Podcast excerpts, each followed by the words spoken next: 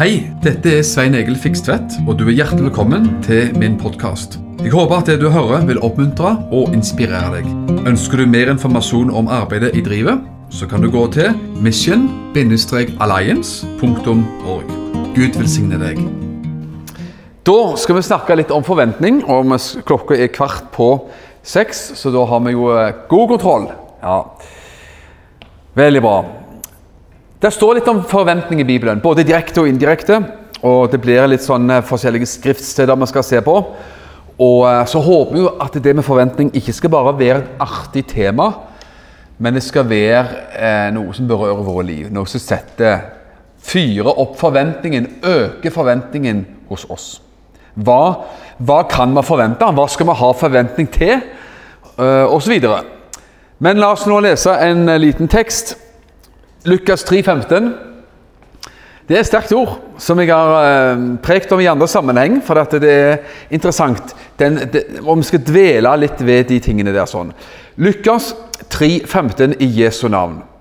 Siden folket det, var preget av forventning, og alle spekulerte i sitt hjerte om Johannes var Messias eller ikke.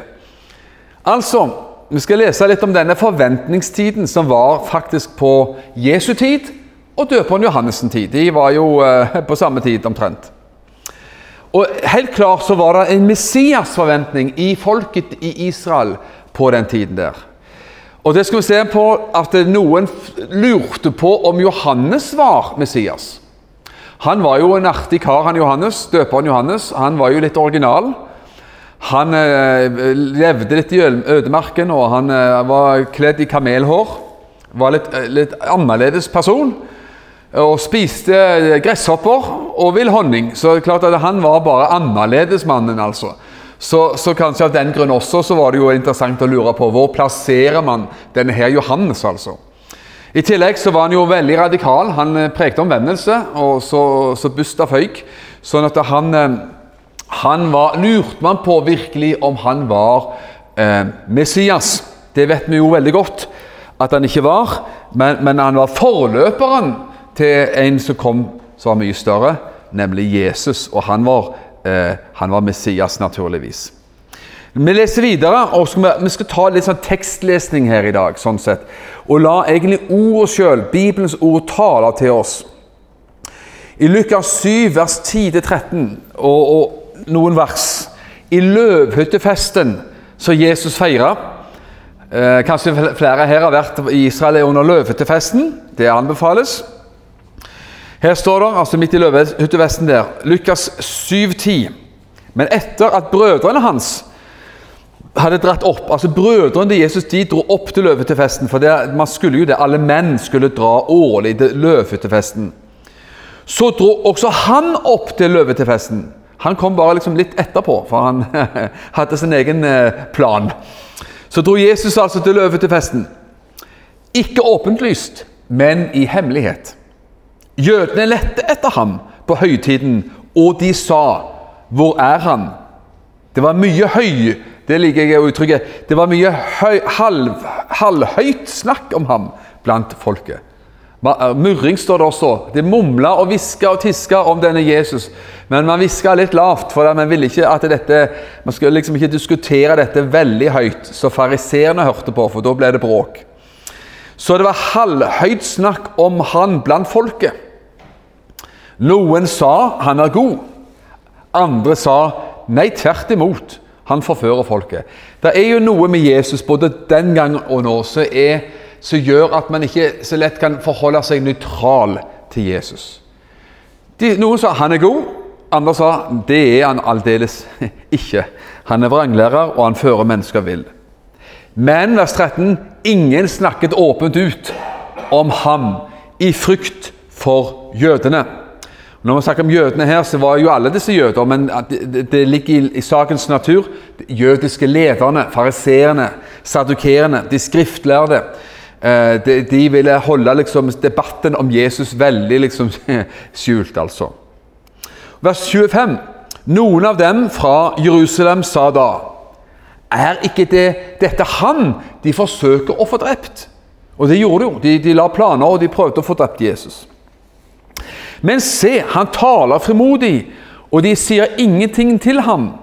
Altså, Han, han, han preker fritt fram her på Løvetevesten og holder på. Holder det gående. Så står det Har rådsherrene virkelig kommet til tro, eller til erkjennelse av, at han i sannhet er Messias? Siden ingen la hendene på Jesus, men han, de, han fikk lov til å tale og preke og virke fritt denne, på denne løvetefesten, så tenkte de Har egentlig fariseerne funnet ut at Jesus virkelig er Messias? Det hadde de dessverre ikke funnet ut. Tvert imot, de ville ha Jesus vekk. Men nå, får, nå, nå leser jeg noen vers her med oss alle, for at vi skal se og forstå hva, hva denne forventningstiden som var på Jesu tid, og hva det kan bety, og hvordan vi kan ha forventning til Gud i dag. Og det har vi grunn til. Lukas 23, Lukas 23 vers 50-52. Lukas 23 vers 50-52. Og se, det var en mann som heter Josef. Han satt i rådet og var en god og rettferdig mann. Han satt i jødenes høye råd. Og Jødenes høye råd det var jo eh, på en måte Israels åndelige lederskap, jødiske lederskap på den tiden der, som var selvfølgelig underordna den romerske okkupasjonsmakten. Vers 51. Han hadde ikke gitt samtykke til det de hadde besluttet, og det de hadde gjort. Han var fra Arimathea, en av jødenes byer, og han ventet også selv på Guds rike. Altså Han var en mann på høyt strå, han var i jødenes høye råd, men hadde stemt, altså. Hadde, enten hadde han ikke vært til stede, eller så hadde han stemt nei til å, at Jesus skulle tas og bringes til fangenskap og korsfestelse. Så han var rettferdig mann. Og han venta, står det. Han venta på Guds rike. Og Det er antagelig derfor at han ikke ville være med å dømme Jesus. For han kobla antagelig Jesus til Guds rike. Jesus, mon tro om ikke han er nettopp vår etterlengtede og profeterte Messias. Han venta altså på Guds rike. Og Denne mannen gikk til Pilatus og ba om Jesu legeme. Så han, han var helt annerledes. Han, han, hadde ikke gitt sitt samtykke til at Jesus skulle dømmes til døden. Lukas 19,11. Da folket hørte dette, fortalte han også en annen lignelse. Siden han var nær Jerusalem, det var før ved opptakten til hans død og, og oppstandelse på korset. da, og siden de trodde at Guds rike ville komme til syne med det samme Folket trodde, mange trodde, at Guds rike ville komme til syne med det samme. Åpenbarelsen av Messias og dette med synliggjøringen av Guds rike, det hang uløselig sammen på Jesu tid og, og før Jesu tid at den forventningen var uløselig knytta til hverandre. Og det er det også for oss i dag. Forskjellen er at vi vet at Messias, han kom. Han kom for 2000 år siden. Og det fantastiske for oss Nå har vi nettopp hatt nattverd. Og det med nattverden er fantastisk fordi jeg skal lese det også. Det blir, eh, det, blir en del eh, høytlesning av Skriften som Bibelen snakker veldig, eh, veldig, veldig sterkt om. Nemlig at i nattverden så ser vi to veier. Vi ser bakover i tid. Når vi hadde nattverd nå og har nattverd i vår tid, så ser vi 2000 år tilbake i tid på hva Jesus gjorde på korset, naturligvis. Så vi ser bak igjen. Gjør dette, sa Jesus, til minne om meg. Det er derfor vi har nattverd. Vi minnes Jesus. Vi, vi kobler vår tro til hva Jesus har gjort på korset, for å si det sånn. Så vi har jo et fantastisk minnemåltid og proklamasjonsmåltid når vi har nattverd. Så i dag så sitter vi der og tar, eller står og tar brød og vin og minnes ved det Jesu legeme og Jesu blod. Minnes hva han har gjort på korset. Men så sier Paulus også noe fantastisk i, Luka, i 1. Korinterbrev 11, vers 26. For så ofte dere eter dette brødet og drikker av denne kalk, forkynner dere Herrens død inntil Han kommer, sier Bibelen.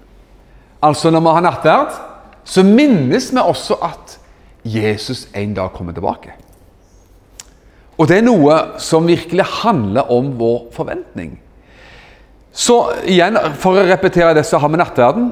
Vi skuer 2000 år Vi ser oss tilbake igjen. Og skuer 2000 år tilbake igjen i tid. Og ser hva Jesus gjorde for oss i frelsesverket. Men også så vender vi i nattverden blikket framover fordi vi har nattverd helt til Herren kommer. Helt til Han kommer igjen. Og um, meg bekjent så har han ikke kommet igjen ennå. Det tror jeg alle av oss er skjønt enige om. Og Derfor så har vi nattverd. Det minner oss om det som kommer, at han også kommer tilbake. Og da skal også Guds rike manifesteres mye, mye kraftigere og sterkere, naturligvis. Amen. Du, det er noe fantastisk. Vi, går videre i dette med forventning. Forventningen den gangen på Jesu tid. Så skal vi også da komme inn på vår forventning i dag. Men jeg har, jeg har egentlig forundra meg over det, egentlig, og syns det har vært veldig sterkt på Jesu tid. Når det, folk prata og dirra av forventning over hva som skulle skje. Og da har vi også i Lukas 19, 11 så står det det. Lukas 19, 11. Da folk, eh, Kanskje vi leste det allerede, vi kan ta det om igjen, og så skal vi ta et annet etterpå. Lukas 19, 11. Da folket hørte dette, fortalte han også en annen lignelse, siden han var nær Jerusalem, og siden de trodde Guds rike ville komme til syne med det samme. Guds rike var jo kommet til syne på en måte ved Jesus. For Jesus sa Guds rike er kommet nær. Så Guds rike er jo allerede kommet nær. Men samtidig så vil Guds rike også siden, ved Jesu andre gjenkomst, ved Jesu gjenkomst, så vil Guds rike komme til syne på en helt annen måte, naturligvis. Og så har du denne fantastiske, rørende historien om disse Emmaus-vandrerne i Bibelen. Disse vandret mot Emmaus, og så møtte de på veien til Emmaus så møtte de jo denne oppstandende Jesus. De gikk der og var litt sånn eh, smådeprimert over det som hadde skjedd.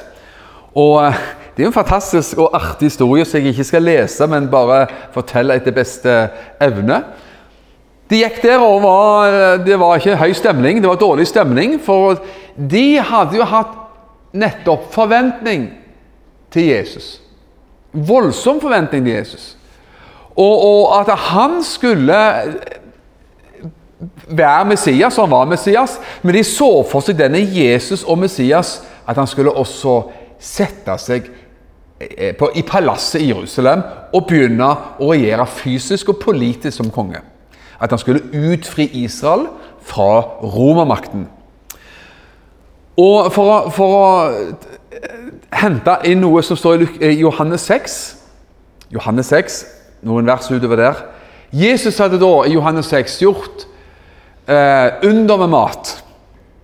Han hadde jo metta 5000 mennesker. Det var bare menn de telte, så det var for uten kvinner og barn. Så antakelig så kunne det gjerne vært 20 000 mennesker når Jesus metta så mange mennesker med to fisker og fem brød. Og så er det litt artig, når Jesus da hadde gjort det, så står det noe spesielt da i, i, i Johannes-versjonen i, i, der. Og så står det at de tok De ville gripe Jesus, står det. Ta han, og ta han med makt. For å gjøre ham til konge, står det. Se for deg det. at det, det, er som om de sier Nå legger jeg litt til, for jeg liker av og til å tenke, ha litt fri fantasi når jeg leser Bibelen. Men, eh, men, eh, men vi holder ofte Bibelen, altså. Men se for deg, vi må av og til tenke litt. Nå hadde de sett Jesus helbrede syke i mengdevis. Blinde fikk syn igjen. De hadde sett Jesus gjøre under med mat. De hadde sett Jesus gå på vannet. De hadde sett Jesus igjen og igjen og igjen være svaret og løsningen på så mange ting. Så hadde Jesus nå gjort uh, under med mat. Så tenker de Nå, altså. Nå, nå holder det. Nå renner det helt over for oss nå. Nå slipper han ikke unna lenger. Tidligere så han av og liksom stukket av gårde og gjemt seg etter han har gjort et under. Men nå tar man. Nå tar man med makt. Og så står det at de, de tok Jesus ta, de, for å ta han med makt og gjøre ham til konge. Det er som om det sier sa det Jesus, nå slipper du ikke unna Jesus. Nå må du gjøres til konge. Nå er du vår neste konge, og ingen som du kan ordne opp. altså. Hvil, hvilken konge vil ikke det være for oss? Å ha en konge, regjeringen, konge eller statsminister i vår del av verden som kunne helbrede all sykdom? Hvem ikke har hatt en konge i landet sitt som kunne sørge for mat, gjøre under med mat? Hvis det mangler mat, så kunne man bare gjøre under med mat. Hvem vil ikke ha en sånn spesiell eh, person som kunne gå på vannet, som, kunne, som hadde sånn overnaturlig makt, sånn som Jesus hadde? Og så ville de altså gjøre Jesus til konge med makt. Men Jesus stakk av. Jesus eh, forsvant fra dem. Fordi Hvorfor det? Jo, for hans rike er ikke av denne verden. Mitt rike er ikke av denne verden, sier Jesus. Så hans rike er annerledes, og hans rike er hos oss og inni oss og iblant oss i dag. Så det har en annen form og fasong enn det som eh, disiplene og folket på Jesu tid faktisk eh, ville, ville, at det skulle være. Men så har vi disse Emmaus-vandrerne. da. De vandra, og Jesus kom plutselig som lyn fra klar himmel og slår følge med dem. Og Det er jo artig da Jesus spør hva, hvorfor er dere så nedtrykt. Hvorfor er det så mye deppestemning her og, og liksom, eh, trist, tristhet ute og går. Og så sier de i sin enkelhet og i sin eh, hva skal man si, selvfølgelig forblindelse Har du ikke fått med deg siste nytt, sier de. Denne Jesus som, som vi trodde som var mektig for Gud i ord og gjerning. Denne Jesus som, som har gjort så mye fantastisk. Men nå er han død. Det var budskapet. Og så visste de ikke at de egentlig delte siste nytt til Jesus sjøl. De hadde ikke fått med seg at Jesus har stått opp fra de døde. Og så sier de midt i det at de legger ut om hvor, hvor trist alt var. Vi hadde, hadde kolossalt med forventning til Jesus. Vi hadde voldsomt med voldsom forventning til hva han skulle gjøre. Han helbreda syke, han gjorde det ene og det andre. Det var bare liksom kronen på verket som mangla, at han skulle bli kongen i Israel. Så hadde alt blitt helt topp. Vi trodde jo at han var Messias, men nå er han død. Han ble slått i hjel. Han, han, fikk dødsstraff på korset, og det, siden har vi ikke sett noe til han. Så var det mesteren sjøl som gikk iblant de. Han hadde stått opp fra de døde og ikledd sitt oppstandelseskropp som han hadde. Og da står det så artig og sterkt også, midt i denne samtalen, i Lukas 24, 21, så sier de Og vi som håpet at det var han som skulle forløse Israel. Dessuten, dessuten er det i dag den tredje dagen siden alt dette skjedde. Så Nå, nå går tre dager, og Jesus åpenbart hadde stått nokså nylig opp for de døde. da. Men så sier de vi håpte jo at det var han som skulle forløse Israel. Vi hadde så forventning. Og den forventningen på den måten da hadde blitt lagt fullstendig i grus. Og, og, det var liksom bare så forferdelig vondt alt sammen. Jeg skal prøve å snakke litt om det også. Når vår forventning kanskje av og til legges i grus. Har du, har du opplevd det noen gang? Forventning er bra. Det er nydelig. Det er, det er en veldig kraft i forventning. Man går forventer vet, at det er advent før jul det er forventning. Forventningstid. Man venter på noe. Sant? Og er det noen som har, er fulle, sprekkeferdige av forventning på, før jul, så er det jo barn som venter på julefeiring og masse eh, presanger og alt mulig. Og oss voksne er sikkert litt mer nøkterne. Ja. Men forventning er fantastisk. Men skuffelse kommer jo hvis, hvis man ikke fikk det man forventa. Forventningsnivået lå så langt over det som virkelig skjedde. Så kan også forventningen bli et antiklimaks, en skuffelse. Det skal vi se på. Og du skal faktisk på en måte også hilse på en, på en person her nå i Bibelen som opplevde egentlig et slags forventningskrasj i sitt liv. Faktisk. Og Det kan jo være en trøst for oss. Ok, Forventning er jo herlig og kraftfullt og mektig. Vi venter på noe godt. Forventning er jo at man venter noe positivt. Det er jo ingen som forventer noe dårlig. Forventningen, ordet, i sin natur er nesten positiv. At det, man, man, venter og håper på noe godt. Av og til går det gjerne an å forvente noe dårlig hvis man er veldig negativt innstilt, men vanligvis ligger det i, i forventningens natur at man forventer noe godt. Hør her. Døperen Johannes opplevde begge deler. I Johannes 1,29 så preker og profeterer døperen Johannes veldig sterkt. Og han sier det er jo disse kjente og legendariske ord av døperen Johannes. Se, der er Guds lam som bærer verdens synd. Og det kan vi si ammen til. Da, var han i slaget. Og han var ikke bare i slaget, han var i, uh, han var i profetisk uh, salvelse, altså. Han pekte på Jesus og sa til folket Han der, det, han bærer verdens synd. Det er Guds lam, lammet som Gud har gitt. Soningslammet som kommer fra Gud.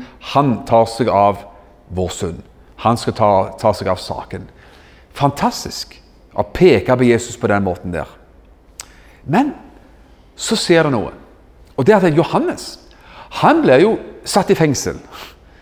Og vet jo hvorfor han ble satt i fengsel. Det var fordi han profeterte eller ja, profeterte og prekte til kong Herodes, som hadde rota det til med seg med, med feil ektefelle og med, med, umoral og forskjellig. Så at han, eh, da var Johannes der vet du, og sa at det du gjør nå, er feil. Hvis man gjør, sier sånt i vår tid, i 2023, så kan man jo oppleve litt av hvert. På Facebook eller andre plasser. Men så sier vi det at Johannes ble satt i fengsel. Og Da skal vi lese noen vers fra Matteus 11, vers 1-6. Og Det skjedde da Jesus var ferdig med å befale de tolv disiplene sine, at han dro derfra for å undervise og forkynne i byene deres. Men Johannes satt i fengselet. Hørte om, da hørte han om Kristi gjerninger, og derfor sendte han to av sine disipler. Altså Johannes satt i fengsel, så kom ryktene om hva Jesus gjorde. Blinde ser, døve hører. Han hører at det er liv og røre rundt Jesus, men der sitter han bak lås og slå og ikke får sett dette. Og så, så sender han altså to av disiplene sine av gårde for å spørre litt mer hva er det som skjer. Og Da står det i vers 3, Matteus 11, 3. De sa til ham, altså disiplene til Johannes, sier til Jesus, Er du den som skal komme, eller skal vi forvente en annen? Og Hvis vi tenker på det, venner Hvilken forskjell og hvilket antiklimaks fra den ene dagen da, når Johannes frimodig og sier, peker på Jesus og sier 'Der er Guds lam som bærer verdens synd', til en periode etterpå, da han sitter i fengsel og blir bombardert av tvil og skuffelse og, og avmakt og kanskje motløshet, så hører han rykter der ute i byer og gater at det, det skjer så mye fantastisk den, rundt denne Jesus som han hadde profetert om. Og så Jeg er forløperen for han her. Så kommer han kanskje på, på et vis i en slags tvil likevel. Og for å forvisse seg om at han ikke har tatt feil, kanskje, så sender han altså av gårde to disipler og budbærere og sier du, vi kommer fra din slektning, faktisk. Døperen Johannes, som sitter bak lås og slår. Han har et spørsmål. Er du den som skal komme? Er du virkelig han? Johannes hadde jo profetert om at det var han. Men nå lurte han på likevel om det var han. Er du han som skulle komme, altså Messias, den lovede, eller skal vi vente en annen? Da er det Jesus sier. Og Jesus har kanskje et indirekte svar. Jesus kunne jo sagt Si til Johannes jeg er han som skal komme og ferdig snakka. Men han sier, han sier det på en annen måte. Vers 4. Jesus svarte og sa til ham.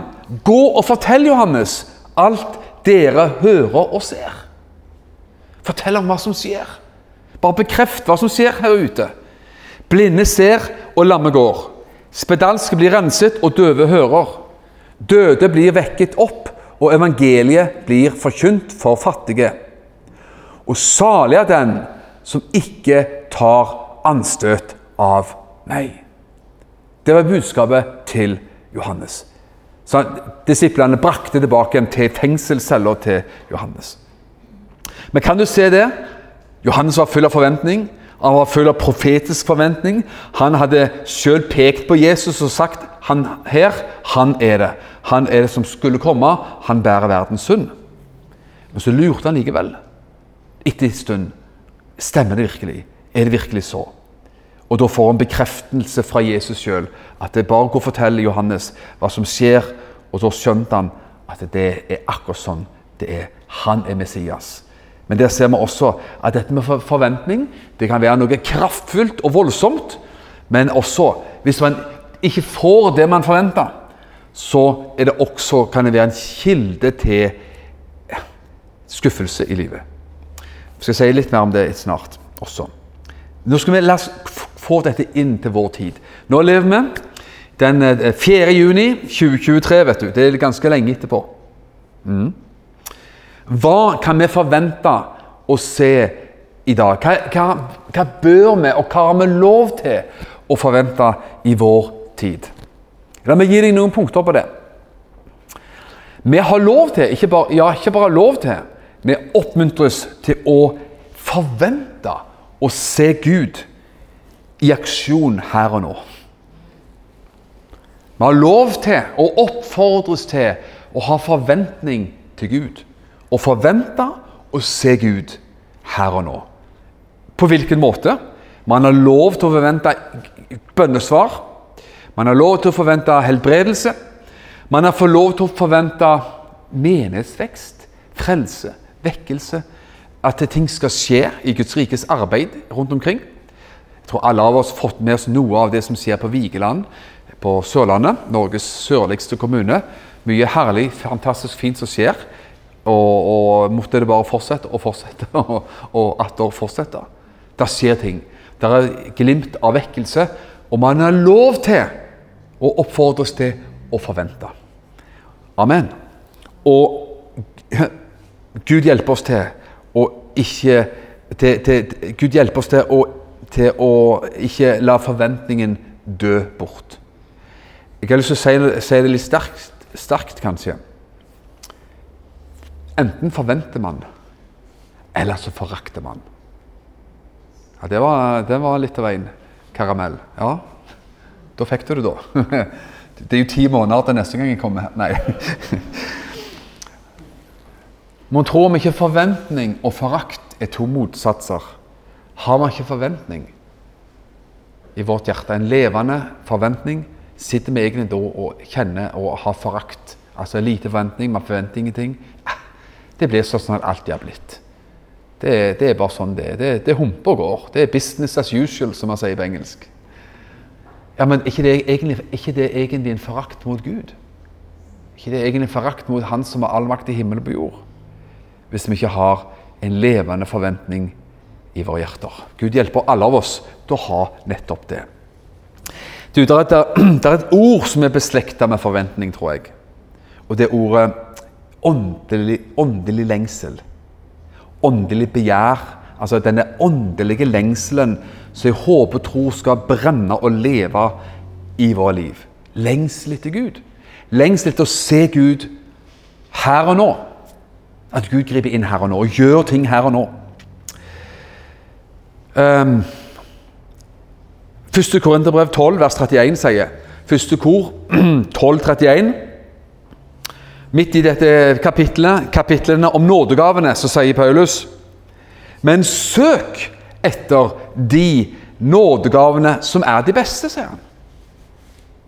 Ja vel? Søk etter. Jag etter, søk etter, begjær, lengt etter. Alle disse ordene er jo beslekta. Søk etter de nådegavene som er de beste. Men likevel skal de vise dere en mye bedre vei. Og Da snakker Paulus da videre om kjærlighetens vei. Og Da er det ikke sånn at kjærlighetens vei er en motpol og motsats til nådegavene. Som om at Paulus sier at det blås i nådegavene, bare lev i kjærlighet. Hvis det var budskapet, så kunne man, kunne bare glemme å skrive kapittel 12 om nådegavene. Han snakker om at nådegavene og kjærligheten må gå hånd i hånd og leve sammen. Men søk etter de nådegavene. Altså, med andre ord sagt med en annen på en annen måte forvent de nådegavene. Vent, søk, begjær de nådegavene som er de beste. At man søker å ha denne lengselen etter å se mer av Gud. Første Korinterbrev 14, vers 1. Første kor, kapittel 14, vers 1. Der står det òg oppmuntres til noe i Bibelen. Jag etter kjærligheten, og søk med iver etter de åndelige gaver. Begge de eh, ordene der dreier seg jo om det samme. Jag etter, og søk med iver etter. Ja, hva er jaget i livet? Hva er søken i livet? Hva er forventningen i livet? Det er spørsmålet. Her oppmuntrer vi, oppmuntres nettopp til både å søke og jage etter kjærligheten, og søke etter de åndelige gavene. Og da, med andre ord ingen motsetningsforhold på det. Begjære det at vi skal få se mer av Gud. Begjære det, kjenne på det at man jages, jager på det. Gud oppmuntrer oss til det. Den, den holdningen at det, det, som skjer, det skjer. Det er en fin, fin sang. Ikke om det er en fin sang, men det er i hvert fall en sang. sang. Om den er fin, det får man bedømme sjøl. Det som skjer, det skjer. Jeg kan ikke si det mer. Det er jo sånn en gammel internasjonal sang. Sviska. ja. Men Bibelen sier ikke det, at det, er den som, det som skjer, det skjer. Bibelen sier at det er den som ber, han får. Så hvis det, det som skjer, det skjer, som blir teologien vår, så er vi litt ute på tur. Ikke det som skjer, det skjer, men den som ber, han får. Eller den som leter, han finner. Eller den som banker på, for han skal det lukkes opp. Og det er jo forventningens natur. At man vil se mer og ha mer av det som har med Gud å gjøre. Og det er kolossalt viktig å ha akkurat det der sånn. Mm. Ja Nummer to. Jeg skal gi deg noen punkter mot slutten her nå. Nummer én vi forventer å se Gud her og nå. Vi forventer å se Gud her og nå. Og midt i det, da, skal vi, La oss ta det også i samme slengen. da. For Også det kan jo gi skuffelse hvis man søker Gud. Man møtes den, den realiteten, spesielt hvis man kjemper i bønn. For noen som hadde, la oss si mennesker som kjempa sin livskamp mot kreft. Og så tapte man den kreften. Alle av oss kjenner noen sånne tilfeller antagelig. Så enkelt jo, er det jo. Min far han døde omtrent på min alder og kunne levd i dag. Enkelt og greit. Så han, han måtte gi tapt. Og mange, altfor mye så ser man også det. Hva gjør man da? Hvordan kan man ha fremdeles ha forventning til Gud? Begjær etter mer. Samtidig som man skjønner at man lever på denne siden av evigheten. Man lever her og nå samtidig Og da, er det bare noen herlige ord i Bibelen som er nydelige å lande på. Og det er jo det som det står i 1. Korinterbrev kapittel 13, at vi forstår stykkevis. Vi profeterer stykkevis. Altså her og nå så lever vi stykkevis. Vi vil se mer og mer godbiter av Guds, av, av, av Guds rike. Godbiter og smak, forsmak på selve himmelen. Men hele himmelen får man ikke før man er i himmelen. Ja. Man får forsmak på himmelen, forsmak på Guds rike her og nå. Men hele pakken og hele saken, Guds rike i fullstendig, liksom, fullstendig uutvanna mål, får vi først i evigheten og når ved Jesu gjenkomst osv. Og, sånn. og da er det veldig viktig å lande på det at eh, vi, vi lever, ser stykkevis, forstår stykkevis. Dessverre ser helbredelser stykkevis osv. Så sånn. Men midt i det, midt i det at vi har et hvilepunkt i livet som vi kan hvile oss på, så finnes det også i det at vi kan forvente mer av Gud. Går det an begge deler? Ja, det går utmerket an. Prise Gud for det. Arild Edvardsen sa noe fantastisk en gang. Han sa vi ber for de syke med frimodighet, og vi begraver de døde med verdighet. Og begge deler funker godt og må en kristen forsamling forholde seg til. begge deler. Spesielt er det vondt når man da må ta farvel med mennesker som døde altfor tidlig, naturligvis. Vi skal gå videre i noen, to punkter til her. Nummer to. Vi forventer å bli brukt av Gud. Altså Vi forventer å se Gud. Nummer én, vi forventer å se Gud her og nå.